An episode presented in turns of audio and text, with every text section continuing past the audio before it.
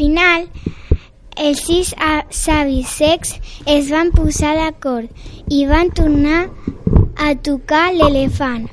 El primer ja no va notar la paret, el segon savi tampoc ni ningú. Doncs es van reunir tots els savis i van parlar del que podia ser i van, i van dir tots, és un elefant.